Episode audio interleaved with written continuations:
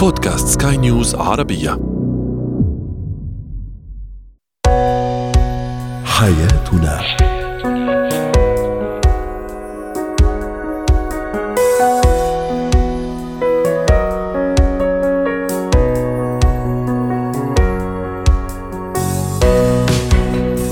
مستمعينا الكرام أهلا بكم معنا إلى حياتنا فضاؤكم اليومي الذي يعنى بشؤون الأسرة وباقي الشؤون الحياتية الأخرى والذي يمكنكم الاستماع إليه عبر منصة سكاي نيوز عربيه dot com slash بودكاست وباقي منصات سكاي نيوز العربية الأخرى. شاركونا عبر رقم الواتساب 00971 561 886223 معي أنا أمل الشاب اليوم نتحدث عن إجازة نهاية الأسبوع بالنسبة للشريك. هل هي من حقه لوحده؟ ام أيضا للطرف الآخر حق فيها وحق المشاركة فيها. أيضا فسنتحدث عن موضوع الامتحانات بالنسبة لأطفالنا. أي طرق حتى نحافظ على طفل من غير توتر أثناء فترة الامتحانات وأخيرا الشخصية الانتهازية في حياتنا كيف نتعامل ونتصرف معها. هو وهي.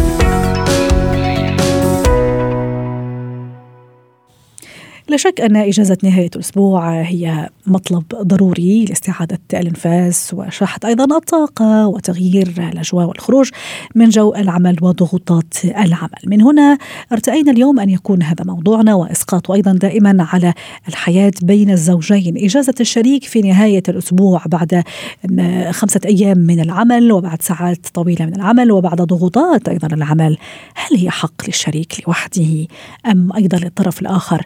الحق في هذه الإجازة. للحديث عن هذا الموضوع رحبوا معي بلما الصفدي الاختصاصية النفسية والأسرية ضيفتنا العزيزة من دبي. سعد أوقاتك أستاذة لما أهلا وسهلا فيك معنا اليوم. و آه، موضوعنا اليوم موضوع مهم تعلق الأمر بالإجازة، إجازتي أنا كزوجة أو كزوج أيضا بعد أيام من العمل، هل هي حقي لي لوحدي أم للطرف الآخر حق فيها؟ كان هذا سؤالنا التفاعلي. دعيني أستعرض بعض التعليقات، أبو فارس يقول نعم. مشكلتي نهاية كل أسبوع. يعني حطينا إيدنا على الجرح بالنسبة للأخ أبو فارس. آه، تعليق يقول الموضوع لا أستطيع التعليق عليه فمنذ أكثر من 24 سنة لم أخذ إجازة ولا ويكاند إلا لمدة 45 يوما هي الإجازة على ما يبدو الإجازة العام يعني.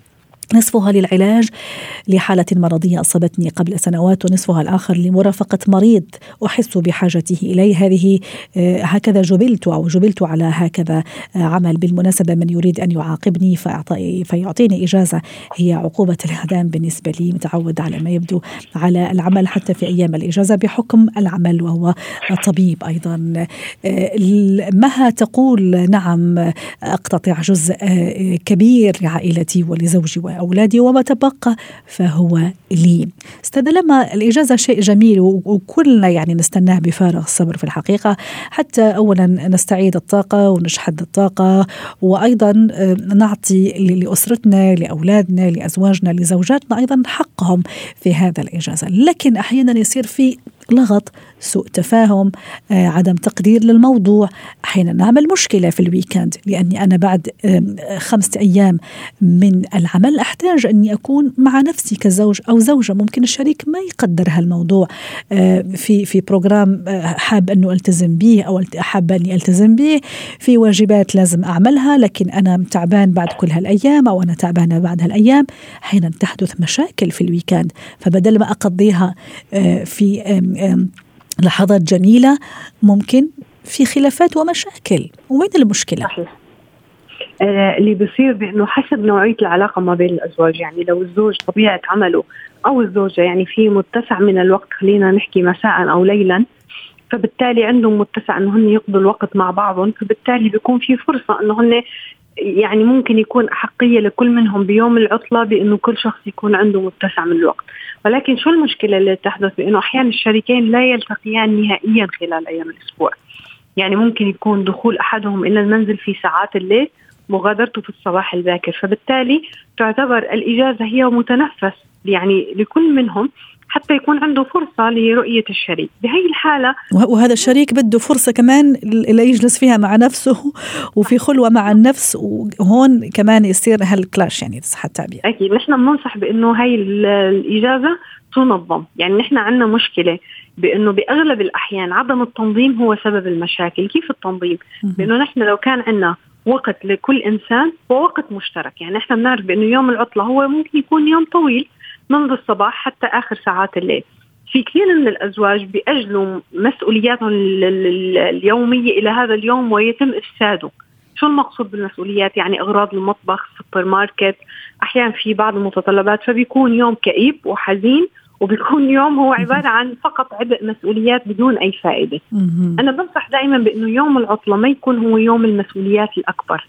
يكون هو عبارة عن يوم للعائلة ومتسع من الوقت لكل منهم. أيوة ويوم العائلة الحديث أيضا راح يقودنا مثلا موضوع الزيارات العائلية الواجبات العائلية والأسرية. أحيانا كمان يصير في سوء تفاهم أو ممكن شخص ممكن يجي على نفسه أكثر من الثاني أزور أهلي أو أزور أهله في هالويكند مثلا وأنا ممكن أحتاج أشوف الوالدة. هو لا ممكن في واجبات أخرى أسرية أنا مطلوب أني أعملها من جهة من جهة أهل الزوج أو العكس صحيح طبعا. نحكي على على الجهتين يعني. موضوع التفاهم وموضوع التنسيق أيضا موضوع أني أكون متفاهمة كثير مهم وقبل كل هذا وذاك يعني. معليش فاقد الشيء لا يعطي إذا أنا ما ارتحت إذا أنا ما أخذت نصيبي وقسطي من الراحة.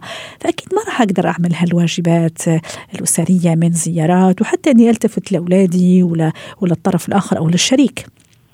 صحيح. هي النقطة اللي ذكرتيها جدا مهمة واللي هي نحن القصد بيوم العائلة هو ليس يوم العائلة بشكل عام. م. يعني هو ليس يوم المسؤوليات الاجتماعية. وهي نقطة جدا مهمة لأنه نحن بنعرف في أشخاص يبدأ أول يوم دوام في الأسبوع وهو مشحون سلبيا متعب مرهق.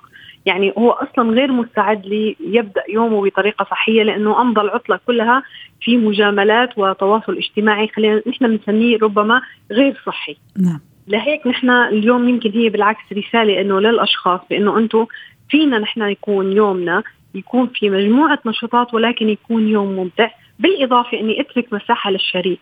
يعني ممكن السيدة تحب تروح على الصالون يكون عندها متسع من الوقت رؤية صديقة. في كثير يمكن من الأزواج بيعتبروا بأنه لا هو يوم العائلة وفقط. وهذا من الأشياء اللي ممكن تكون سلبية على الإنسان لأنه الإنسان أحيانا هو بحاجة إلى رؤية أصدقاء إلى الفضفضة إلى تغيير الجو. هذا لا يعني بأنه هو لا ينتمي إلى عائلته. ولكن لما نحن نرجع للفكرة الأساسية تنظيم اليوم. وتقدير كمان لأنه كمان عم تثيري نقطة يعني على بساطتها لكن مهمة. يعني أنا مثلا زي ما تفضلتي راح آخذ مثالك أستاذة لما إذا مثلا عفوا في في الويكند خلينا نقول مثلا في في النصف الأول من من هذا اليوم حبيت إني أنا أروح مثلا على صالون وكذا. فمفروض كمان يعني الشريك راح يكون في تفاهم. ممكن راح يجلس هو مع الأولاد يحاول يشوف طلباتهم هذيك الساعتين أو الثلاثة. عرفتي كيف؟ لأنه مهما يكون حتى إذا تركتهم مع العاملة المنزلية في النهاية مسؤوليتي أنا والأب يعني نتشاركها. آه، عرفتي كيف؟ ونفس الشيء بالنسبة للزوج ممكن عنده شيء حاب يروح يشوف أصدقائه. فأنا كمان المفروض أني أكون متفهمة قصدي موضوع التفهم هذا كثير مهم. آه، لأنه متى ما هو كان مرتاح فأكيد رح ينعكس الموضوع على بيتي على زوجي وعلى زوجتي على على الجهتين نحكي. هو هذا هو المفقود حاليا موضوع التفهم لأنه بأغلب الحالات اللي أنا بشوفها كل يوم بشوف الزوجة هي ممكن تكون مسؤولة عن الأولاد ممكن يكون الزوج بيعتبره يوم عطلته الخاص. صح. هو مع عائلته مع أصدقائه أو ممكن فهو موضوع التفاهم هو يمكن هي النقطة الحساسة. آه في أيضا نقطة كثير مهمة بالموضوع وقت الشريكين. يعني نحن بكل ما ذكرناه دائما بنقول وقت كل منهما وقت مع الأطفال. أيوه تماما. صح. كشريكين وين وقتكم؟ صح. يعني أنت ممكن تستودعي أطفالك عند العائلة عند الأهل عند المساعدة المنزلية وخصصي لو ساعة بآخر هذا اليوم مساء ليلا بأنه ما تكونوا في البيت تكونوا تطلعوا مع بعض يكون في أحاديث يكون في تغيير عن الروتين اليومي اللي هو فقط جلوس في البيت أمام التلفزيون أو مشاكل الأطفال أو زيارات عائلية لأنه حاليا نحن للأسف وما أكثرها حالات الطلاق العاطفي زوجين في نفس البيت ولكن هما آه. من كونهما أزواج وهذا كنت راح أقول لك كمان أستاذة لما زوجين في ويكند ممكن عند أهله عند أهلها لكن جوا مشحونين هو مشحون وهي مشحونة هو زعلان منها هي زعلانة منه. زوج وزوجة ممكن يطلعوا أولادهم للملاهي لكن يعني هو في الشمال وهي في, في, في الجنوب يعني عرفتي كيف؟ هي زعلانة هو زعلان. عم يغدوا الأولاد مع بعض كمان يعني ممكن هو في في, في تليفون وهي كمان مع صديقاتها في التليفون. يعني قصدي فعلا آه، لازم نعطي لنفسنا هذا الحق حتى نكون مرتاحين وبالتالي رح نعطيه للطرف الآخر حتى نختم مع حضرتك. صحيح هي النقطة الأهم بأنه نحن كأزواج يكون عندنا هذا الوقت وبعدين قضاء الزوج وقت مع أصدقائه أو الزوجة هو لا يعتبر أنانية. أحيانا إذا كان هو لا يتعارض مع العائلة فهو متسع بالعكس هو متنفس ويمكن يكون أكثر للزوجة وخصوصا إذا هي لم تكن عاملة. لأنه أحيانا وجود وهذا العامل كمان مهم على فكرة. والعاملة ونحن كمان لازم نحتاج فكمان أكيد ممكن يكون مفيد لنا ولكن نحن الفكرة بأنه الإنسان هو بحاجة لتواصل اجتماعي مستمر يعني العائلة مهمة وأيضا الوجود الاجتماعي جدا مهم. شكرا لك أستاذة لما الصفدي الاختصاصية الأسرية والنفسية ضيفتنا العزيزة من دبي وأتمنى لك يوم سعيد.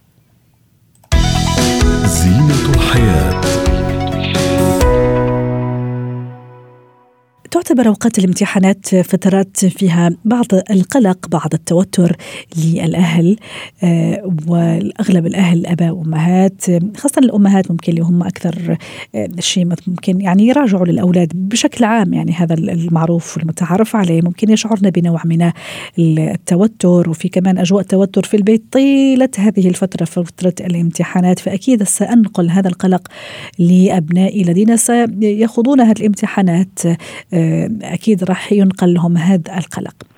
إذا كيف أحافظ على نفسي أولا ثم على طفلي على هدوئي على توازني على اتزاني آه، حتى ما أسبب اضطراب أولا لنفسي ثم لا أنقل أيضا لهذا الطفل الذي قد يضعف هذا الاضطراب والقلق من أدائه في الامتحان. رحبوا معي بندى شاهين الاختصاصية النفسية والتربوية ضيفتنا العزيزة.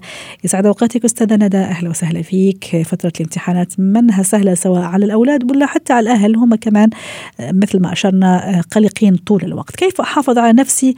آه، على هدوئي وعلى هدوء طفلي أيضا. السلام عليكم. أهلا وسهلا. يا أهلا وسهلا. دي بنسميها فترة طوارئ في البيت. الناس كلها ممكن. الأم والأولاد وكل حاجة وبيكون بالنسبة للأم بتبقى الامتحانات دي كأنها امتحاناتها لأن بتحس النتيجة دي هتكون يا إما نتيجة تعبها صح. يا إما يعني النتيجة اللي هتظهر دي هي زي تحديد ليها وتحديد لطريقتها مع أولادها أو أو أسلوبها معاهم.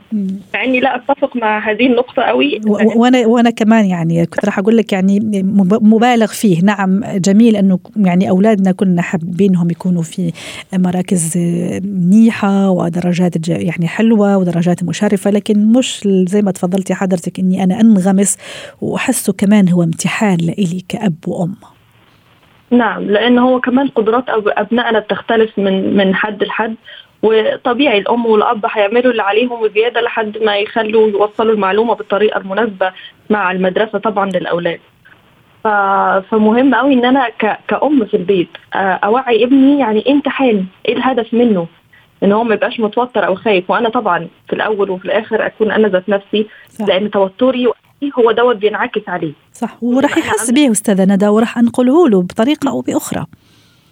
نعم وهيأثر عليه في الامتحان نفسه حتى إذا كانت قدراته كويسة. لما أنا أقعد أقول لك على الحاجة دي إنها بتخوف ده حاجة خطر ده حاجة خطر ممكن تقعي في الخطر ده بسبب إن أنا بضغطك بزيادة. مثلا هقول لابني خلي بالك هتوقع الكوباية هتوقع الكوباية هيوقعها في الآخر. لأن أنا دخلت جوه دماغه بطريقة ما أو حطيت عقله اللاواعي إن أنت مش هتبقى قادر قوي على الحاجة دي أو الموضوع ده كبير عليك كبير على قدراتك.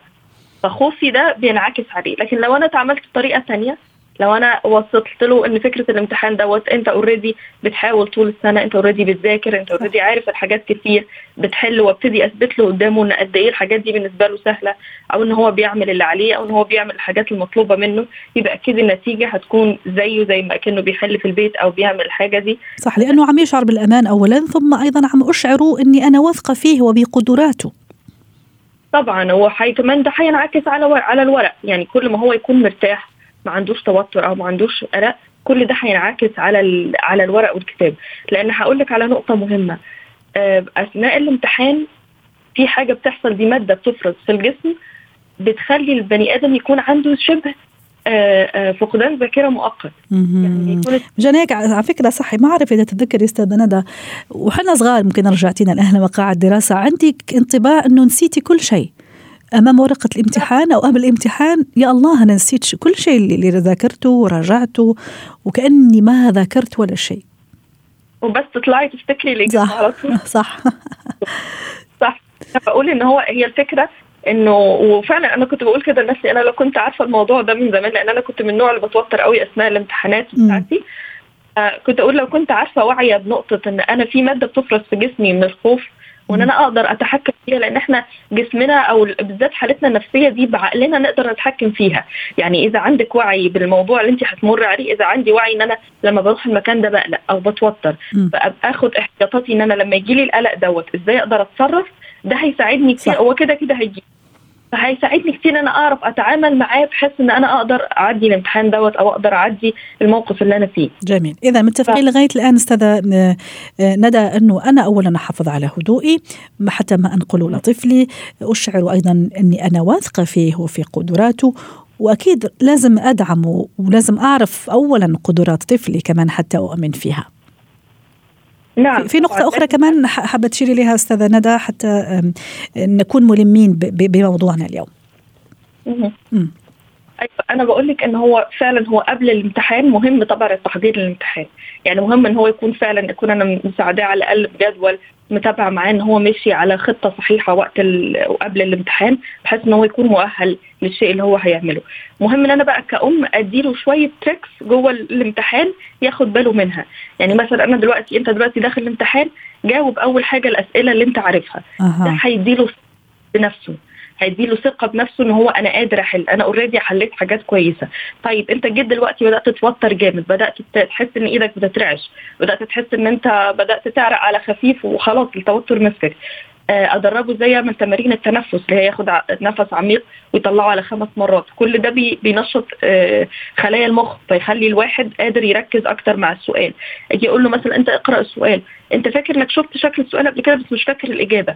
حاول كده تسترجع أي كلمة ليها علاقة بالموضوع وابدأ اكتبها. كلمة واحدة. وبعدين اكتب كلمة تانية جنبها. شوية شوية هتبدأ تفتكر الموضوع. وأهم حاجة أبقى فاهماه إنه حتى لو أنت عملت اللي قدرت عليه وفي جزء ما عملتوش. النهاية يعني اللي هتحصل صح. هتحاول وهتعمل لحد ما تعرف. وأهم شيء ما فيش مقارنة أيضا مع أخوه الأصغر منه أو الأكبر منه أو ابن خالته أو ابن عمه لأنه قدم كويس على الامتحان. يعني قصدي موضوع المقارنات هذه كمان موضوع يعني بالعادة أو في الأيام العادية مش مطلوب ومرفوض تربويا ونفسيا يأثر كثير على الولد. فما بالك أيضا إذا كنا في فترة امتحانات اللي هو اوريدي تحت ضغوط وضغط معين. نعم لأن كمان إحنا عندنا كل بني آدم في الدنيا مش بس أطفالنا عندهم ذكاءات مختلفة. فأنا عندي يكون أنا عندي ذكاء في إن أنا بسترجع كويس وبعرف أكتب وأعبر كويس. في ممكن يكون واحد ذكاؤه اجتماعي وموسيقي وملهوش علاقة تماما بالمذاكرة. فده لا يعيبه كشخص أو ده لا يعيبه ده إزاي ربنا خلقنا؟ كلنا ذكاءات مختلفة عن بعض. وعم تحكي نقطة كثير مهمة كمان ما دام عم نحكي على الفروقات في كل طفل عنده طريقة معينة في المذاكرة فكمان مفروض أني أحترم طريقته وأسلوبه. ممكن في شخص ممكن بصري يعني عرفتي كيف عنده ذاكرته البصرية قوية جدا. في طفل عنده ذاكرته السمعية قوية جدا. فكثير مهم أني أعرف هذا الفروقات الفردية حتى أساعده أيضا. حتى نختم موضوع الضغوطات الخارجية. خليه في في في في مكان مريح وفي أجواء مريحة أيضا بعيدة. خلينا نقول مثلا على صراخ على مدري إيش هيئ له الأجواء. وفي نفس الوقت أيضا ما ادري إذا تشاطريني رأي أستاذة ندى. في بعض الأطفال يستغلوا هذا الموضوع إذا في فترة امتحانات. عرفتي حتى مثلا يطلب أشياء وممكن يتكاسل عن فعل أشياء لأنه قال إيه في فترة امتحانات. أيوه طبعا. ده ده فعلا بيحصل كتير مع الأولاد.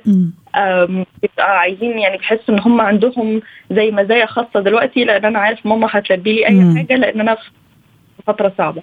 مهم إن أنا زي ما بقول لك إن يكون في قدامه جدول واضح. عارف إن أنا الحاجات دي عليا إنجازها دلوقتي. الأهم من ده كمان إن أنا أساعده إن هو ينجز الحاجات دي. إزاي؟ عن طريق التغذية. التغذية من أهم الحاجات اللي بتأثر على المخ بتأثر على فمهم إن أنا أبقى واخدة بالي قوي في الفترة دي. إيه نوعية أكله؟ وايه الحاجات اللي بياكلها؟ ما, ما اديلهوش سكريات كتير لأنها هتاثر على أديله زي سناكس بسيطة زي المكسرات. كلها لأنه أكيد هذه راح تساعده أكيد بشكل مباشر. شكرا لك أستاذة ندى شاهين الاختصاصية النفسية والتربوية. مهارات الحياة. من هي الشخصية الانتهازية الوصولية؟ كيف أتعامل معها إذا كانت معي في حياتي سواء حياتي يعني دائرتي المقربة جدا أو أيضا في الدائرة العادية أصدقاء حتى زملاء أيضا. آه، رحبوا معي بتينا جروس مدربة مهارات حياة سعد أوقاتك أستاذة تينا ممكن خطورة هذه الشخصيات أو هذا النوع من الشخصيات أنه آه، ظاهرها غير باطنها. ممكن ما أعرف أنه أنا ضحية لانتهازيته أو انتهازية هذه الشخصية إلا بعد مرور فترة طويلة.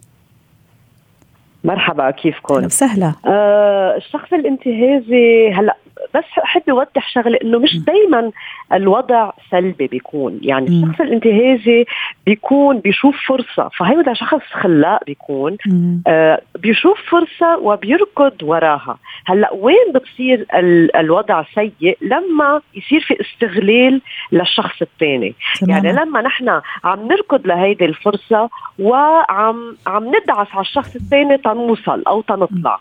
فهون السؤال كيف هذا الشخص الثاني بده آه يعرف إنه في استغلال بهال بهالوضع هي وتسمحي لي أفتح آه. بس قوس بسيط. يعني كمان الموضوع لا يتعلق فقط بالأشياء المادية أو فرص زي ما تفضلتي حضرتك. ممكن أحيانا العاطفة واللي هي أنا أتصور يعني أسوأ وأبشع استغلال. ممكن سين أو صاد تستغني أو يستغني لأنه بيعرف أنه مثلا أنا طيب ما في أرفض طلب عرفتي كيف؟ ما نعم. بحب أزعل الناس.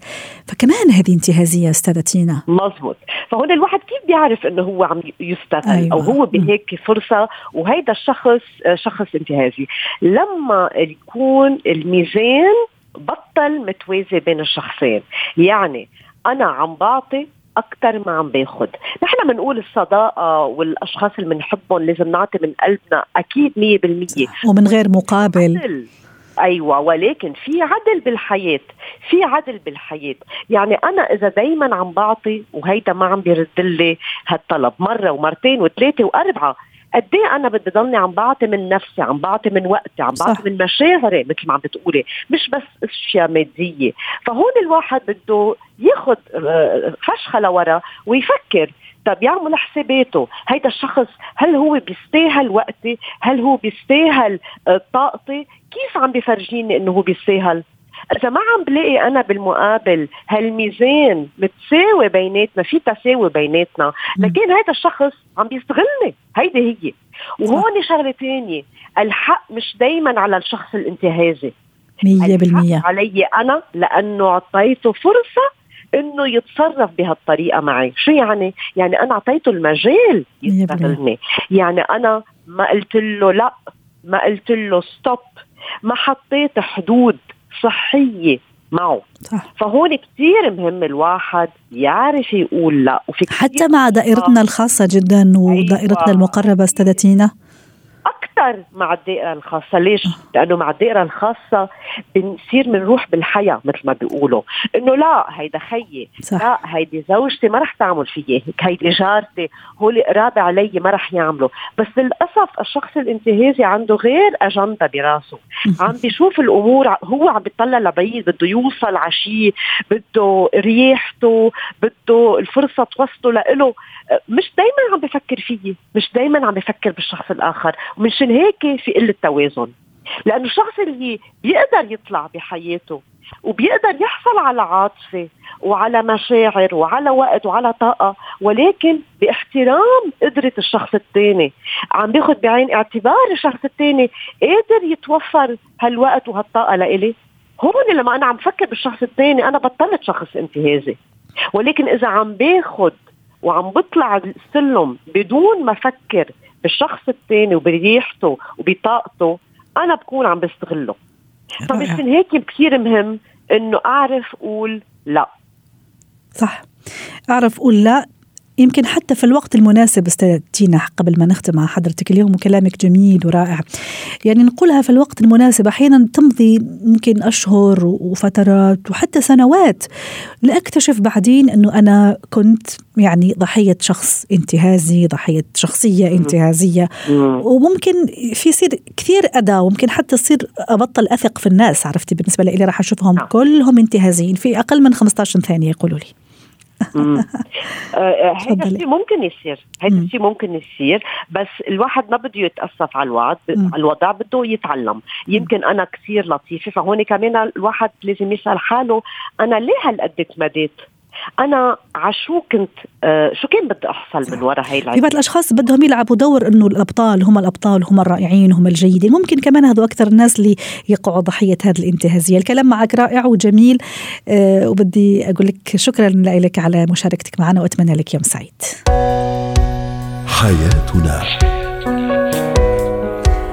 ختام حلقة اليوم من حياتنا. شكرا لكم على اللقاء.